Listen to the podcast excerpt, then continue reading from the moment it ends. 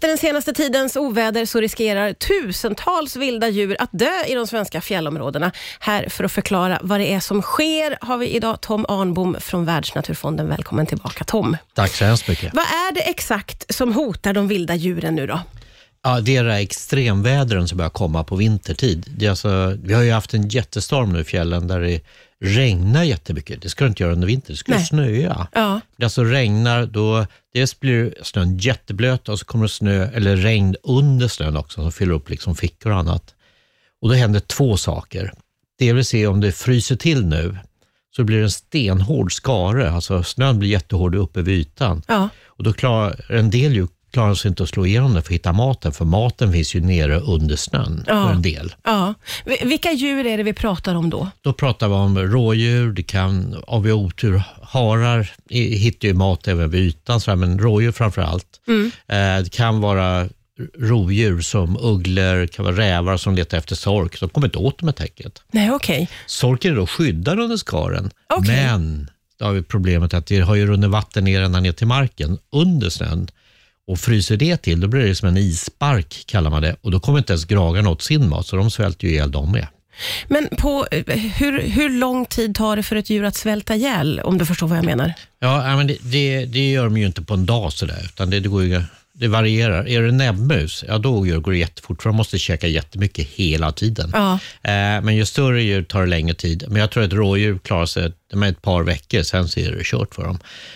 Men jag hoppas att det inte blir den här stenhårda skaren, utan att snön sakta torkar upp och fortfarande är mjuk. För det här, risken är om den här skaren lägger sig, för nu har det regnat mycket och kommer det kyla då, då kommer skaren. Då kommer skaren, och speciellt om det kommer eh, kyla väldigt snabbt. Ja, just det. Men det var som jag hörde en eh, renskötare som berättade häromdagen. Han har använt yxa för att slå sig igenom snön. Så det är alltså en extrem skare vi pratar om också, inte en vanlig sån som man kan knacka hål på eller Nej, gå utan igenom. Det, det liksom, kan bli extremt jättesvårt. Ja. Och, och vad finns det fler för eh, risker för djuren med den här skaren skulle du säga?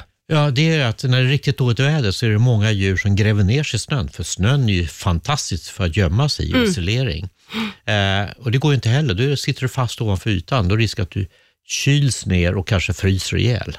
Alltså det här är verkligen en krisartad situation för väldigt många vilda djur i, fjäll, i det här har hänt förut, men det här är det som kommer ske med klimatförändringen. Kommer bli oftare och oftare. Och så här jättemycket regn, det är ju otroligt ovanligt. Det blir ju intressant. Du, du nämnde att det har hänt förut, men är det här ett eh, tokigt väder vi pratar om eller är det tecken på klimatförändringarna skulle du säga? Det är alla de här liksom extremvädren, det kan ju vara, det händer ju någon gång då och då, men vad som händer är att det blir oftare och oftare Mm. och mer extrema. Och det är ju klimatförändringen som säger det. Ja, det. Men varje så här väderfenomen, när det händer någon enstaka gång, går inte att säga ja, det är klimatförändringar, för det funkar inte riktigt så, utan det kan ha varit en tillfällighet. Men vi är på väg åt det här hållet. Det är Ja, det de har förut, Ja. förutspått, forskarna. Och, och hur klarar vilda djur eh, den här typen av förändringar då? Ja, alltså, om man säger det sakta när temperaturen ökar, det klarar de oftast. Mm. Men det är de här extremvädret, alltså när äh, jättetorka eller jättemycket regn eller kyla är plötsligt, Mm. det liksom, det här slår fram och tillbaka. Det tror jag kommer slå ut djuren. För de, inte, de ligger inte på de marginalerna så långt ut.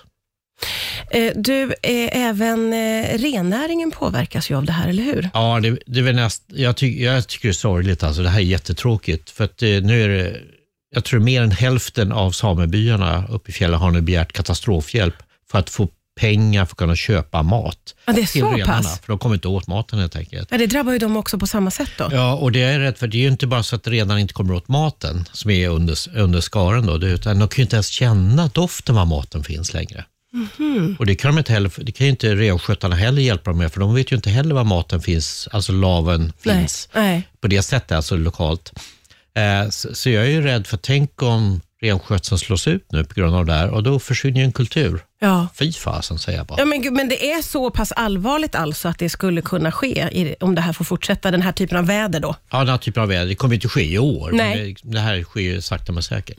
Men det går ju att göra någonting åt saken, hjälpa djuren. Det gör det ju faktiskt. Ja, men precis. Och Det här måste vi prata vidare om, för det är ju faktiskt så att det finns ingen myndighet eller så som är ansvarig för de vilda djuren.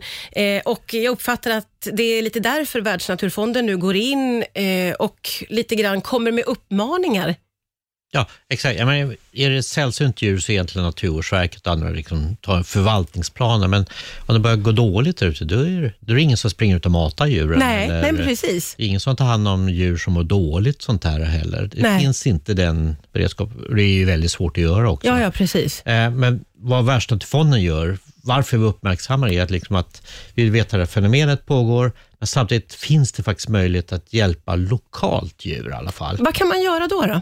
Ja, men titta, eh, jägare och viltvårdare, de kan liksom hjälpa till eh, foderpellets, man kan lägga, ut mat på olika sätt ute i skogen, där man brukar göra det, för att rädda dem lokalt då, som finns där.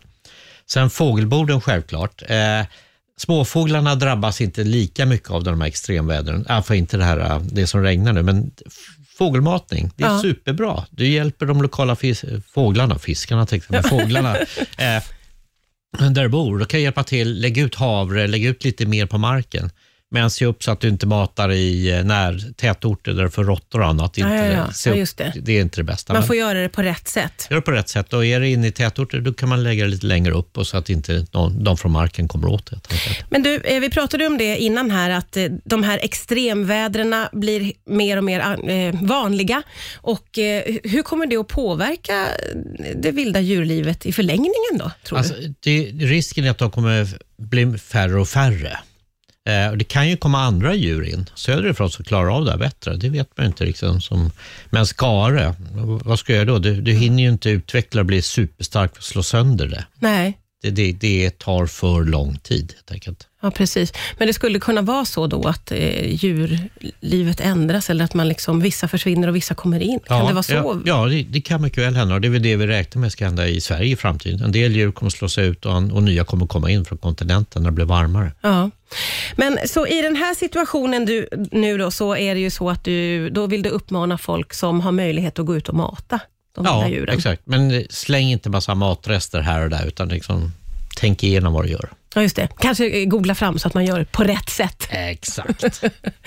Tack så jättemycket Tom Arnbom från Världsnaturfonden för att du kom hit idag. Tack så hemskt mycket.